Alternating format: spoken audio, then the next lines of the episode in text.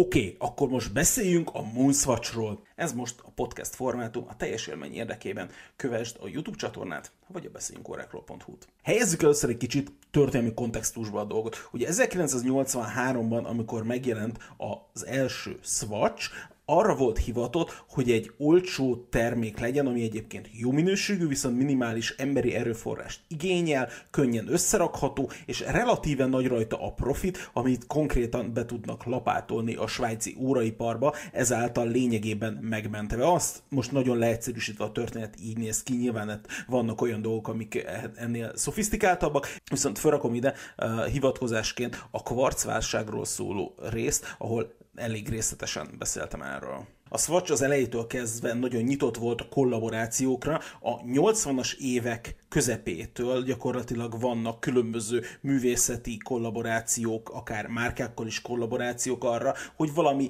vicces, jópofa Swatch verziók kerüljenek kiadásra de egyébként a kollaborációk úgy általában az óraiparon kívül is egészen jól működnek, gondoljunk itt csak cipőkre, gondoljunk itt ruházatra, streetwearre. Óraiparban is volt egy csomó olyan franchise, ami valamilyen órás kollaborációs partner talált magának, gondoljunk itt csak mondjuk a Batmanre, vagy esetleg a Street Fighterre, viszont mégis nagyon nagyot szólt, amikor a Watches and Wonders előtt néhány nappal bejelentette az Omega és a Swatch a közös kooperációját, majd két nappal később fellebentették a Fight Lightlet arról, hogy konkrétan miről is fog szólni. A kezdetektől fogva nagyon lelkesen fogadtam ezt az egészet, mert úgy gondoltam, hogy egyrészt ez zseniális marketing, és végre egy olyan dolog, amiről a szélesebb közönség is beszél, konkrétan átütötte a mainstream médiának a inger küszöbét is, és elért a hétköznapi emberekhez is az, hogy van, most van valami nagy újdonság, valami nagyon izgalmas dolog, hogy emberek százai és ezrei állnak sorba. A világon az összes erre minősített, vagy ő erre kijelölt Swatch butik előtt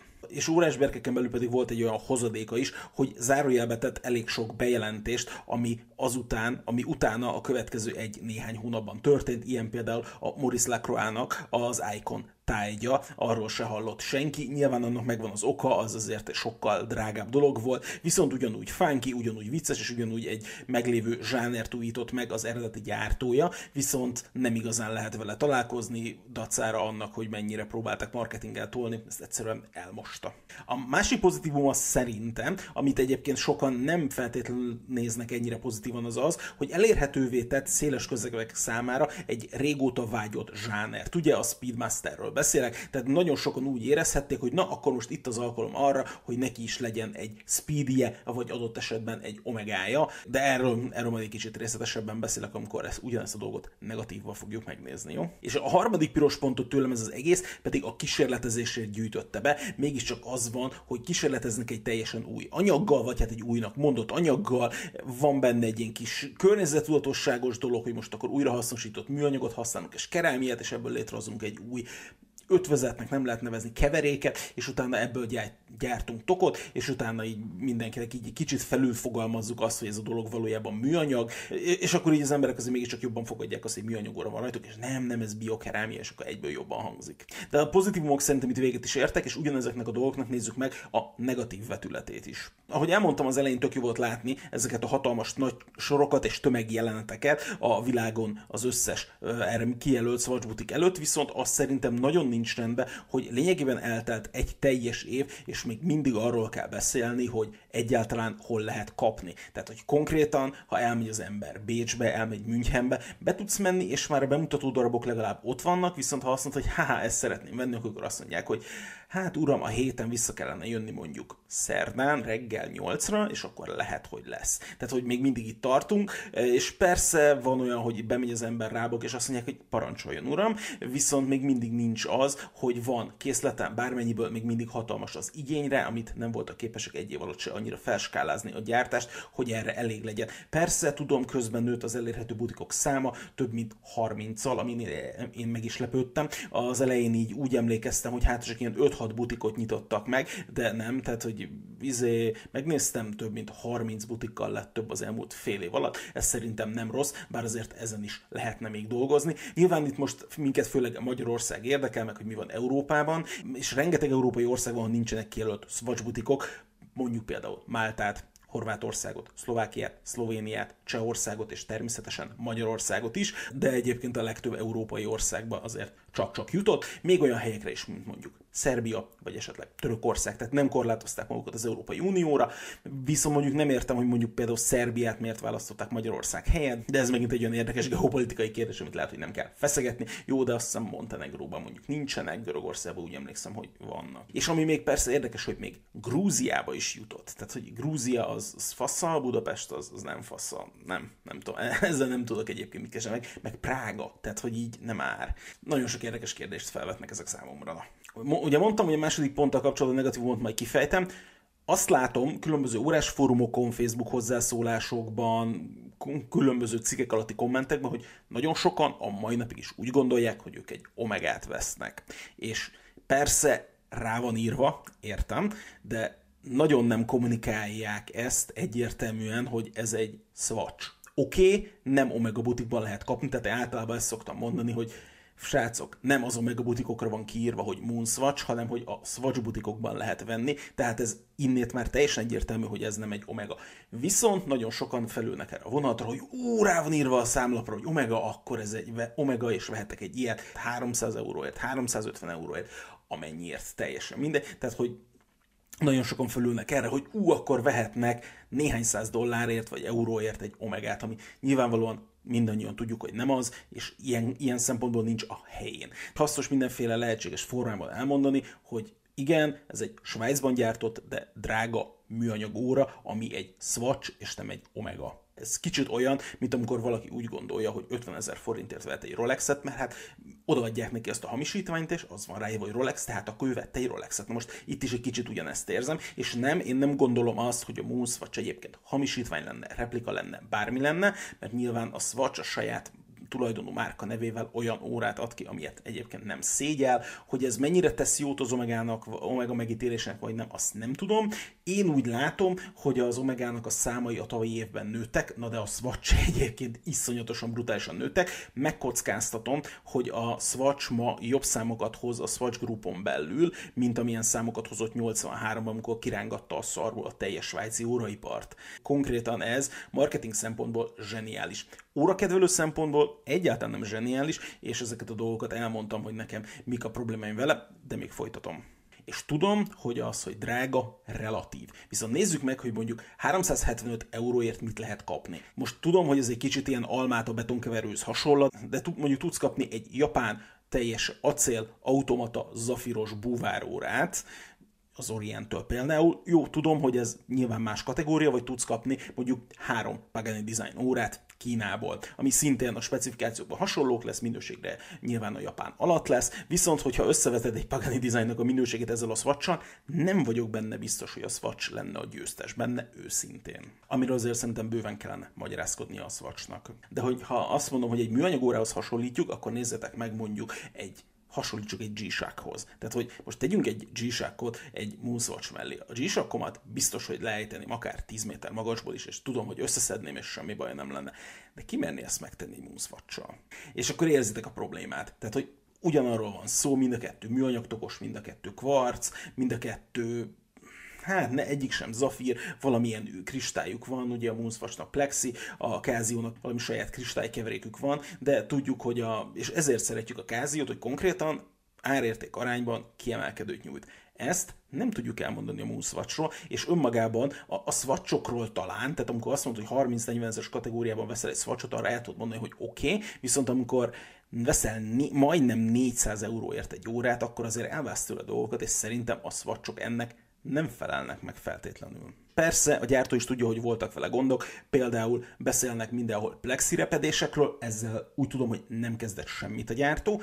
Beszéltek arról, hogy ugye színezett az óra, a Neptun kiadásnál ugye ezeket visszahívták, egy darabig szünetelt a gyártása, újra dolgozták, és most van egy második kiadás a Neptunokból, és azok most már nem eresztik a kék színüket. Például az Adrian Barker csinált erről a videót, hogy az ő, az ő moonwatch leesett az egyik gomb. Volt egy csomó olyan dolog, amik erős kérdőjeleket vetnek föl. És persze az első kiadás óta egy szép nyugiban eltelt nagyjából egy év, és akkor hallottuk a susmust, hogy lehet, hogy ötödikén lesz valami bejelentés. És hát persze tudtuk, hogy Magyarországon lesz egy rendezvény, ahol ott lesz a Swatch is, és reméltük, hogy na hát ez is azért vesznek részt azon a rendezvényen, mert egyébként lesz egy nagy közös bejelentés ugye a világon mindenhol, és akkor így örülünk neki. Kiderült, hogy ez egyébként nem volt igaz, Instára került fel az első ilyen kis teaser, hogy um, uh, Mission to Moonshine Gold, és akkor így lehetett gondolkodni rajta, hogy na, vajon mi lesz az új kiadás, és akkor, hogy mm, új toxine lesz, aranyszínű lesz a számlap, aranyszínűek lesznek az indexek, de a kutya se gondolt arról, hogy ez a Mission to Moonshine Gold annyit fog jelenteni,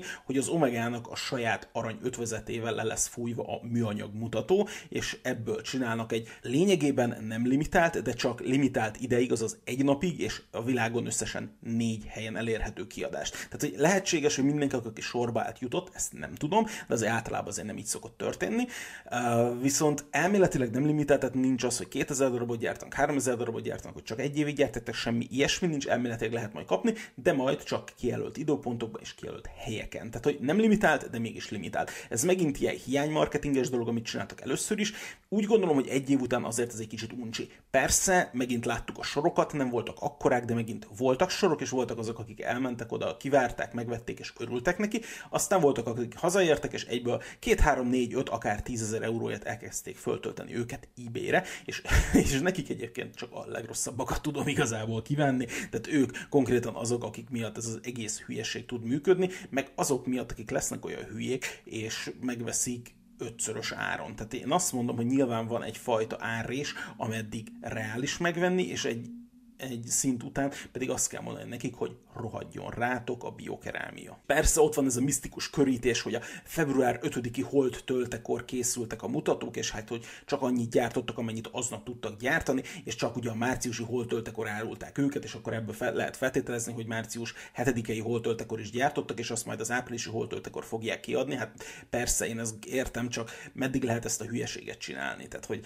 hogy nekem azért ezzel vannak problémáim. Tehát amikor tavaly megjelent az egész, én még azt hittem, hogy tök jó ki van itt minden találva. Tehát, hogy jó ki van találva a marketing, az, el, az ellátási láncok, hogy egyébként tudják, hogy hogy kell ezt az egész dolgot skálázni, hogy elkezdik kicsiben, aztán tolják nagyba, és utána egy év múlva már mindenhol lesz, és nagyon jól látszik, hogy nem ez történt. Ugye a gyártásra valamennyire fel voltak készülve, az első modelleken látszott, hogy 2021-es a gyártási dátum, tehát ez konkrétan lehetett tudni, hogy ezt, hogy ezt máskor gyártották, és a nagy kapkodásban úgy tűnt, hogy egy egyébként papíron már kivont szerkezetet, ugye a benne lévő ETA G10 212-es szerkezettel érkeznek elméletileg, viszont voltak olyan kiadások, amikben a már korábban megszüntetett G11-es szerkezetek kerültek benne. Hát ez gondolom úgy történt, hogy Józsi, van elég 212-esünk? Nincs. Akkor hozzátok a raktárból a 211-es parasztoknak tanyára jó lesz, csak haladjunk már. És körülbelül szerintem ez történt, hogy, hogy így készültek ezek, a, ezek az órák, és ez mutatja, mondom, szerintem a kapkodást, meg a másik a színeresztős dolog, hogy ezért az a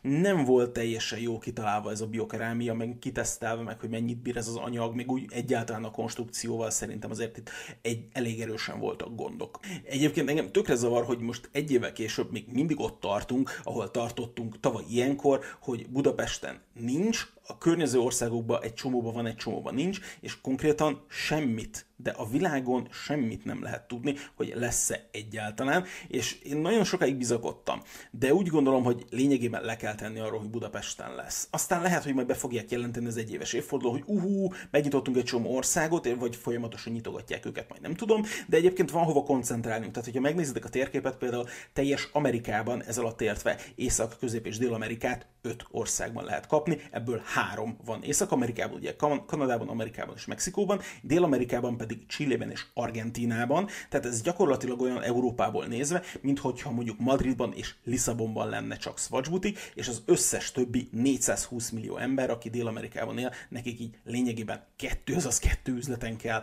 ö, osztozniuk. Oké, okay, nyilván értem, hogy izé más körülmények, más anyagi lehetőségek, meg mit tudom én, de hát azért na, tehát hogy ott is vannak gazdag emberek, ott is vannak olyanok, akik szeretik az órákat, ott is vannak olyanok, akik szeretnék venni, és nem szeretnék mondjuk ezer kilométert utazni érte.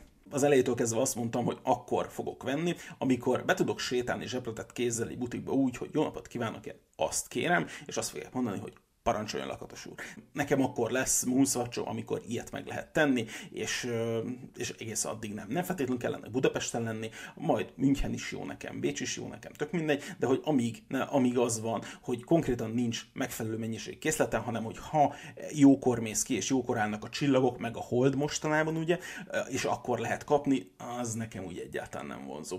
Meg még el akartam mondani a Mission to Moonshine Goldos verzióra, hogy nagyon-nagyon-nagyon belekényelmesedtek ebbe a dologba. Tehát konkrétan olyan, az első verziókon is, pont itt az apróságok, amiket elmondtam, hogy hiányzott a tesztelés, hogy így mintha ilyen felváról vették volna a dolgot, ilyen nagyon pökhendien, ez nagyon érződik. Tehát most mit csinálnak? Eléggé, eléggé gáz, ez a pff, lefújjuk egy kicsit aranyjal, leadjuk nekik, aztán parasztok nektek jó lesz, de nézzétek meg a hivatalos képeket, konkrétan a fotózás előtt a szíjat nem cserélték le az órán. Tehát rajta van, hogy Mission to Neptune. Meg lehet nézni a hivatalos képeken, ott van. Tehát, hogy még szíjat sem cseréltek azon rohadt órán, hanem hogy eh, jó lesz az nekik.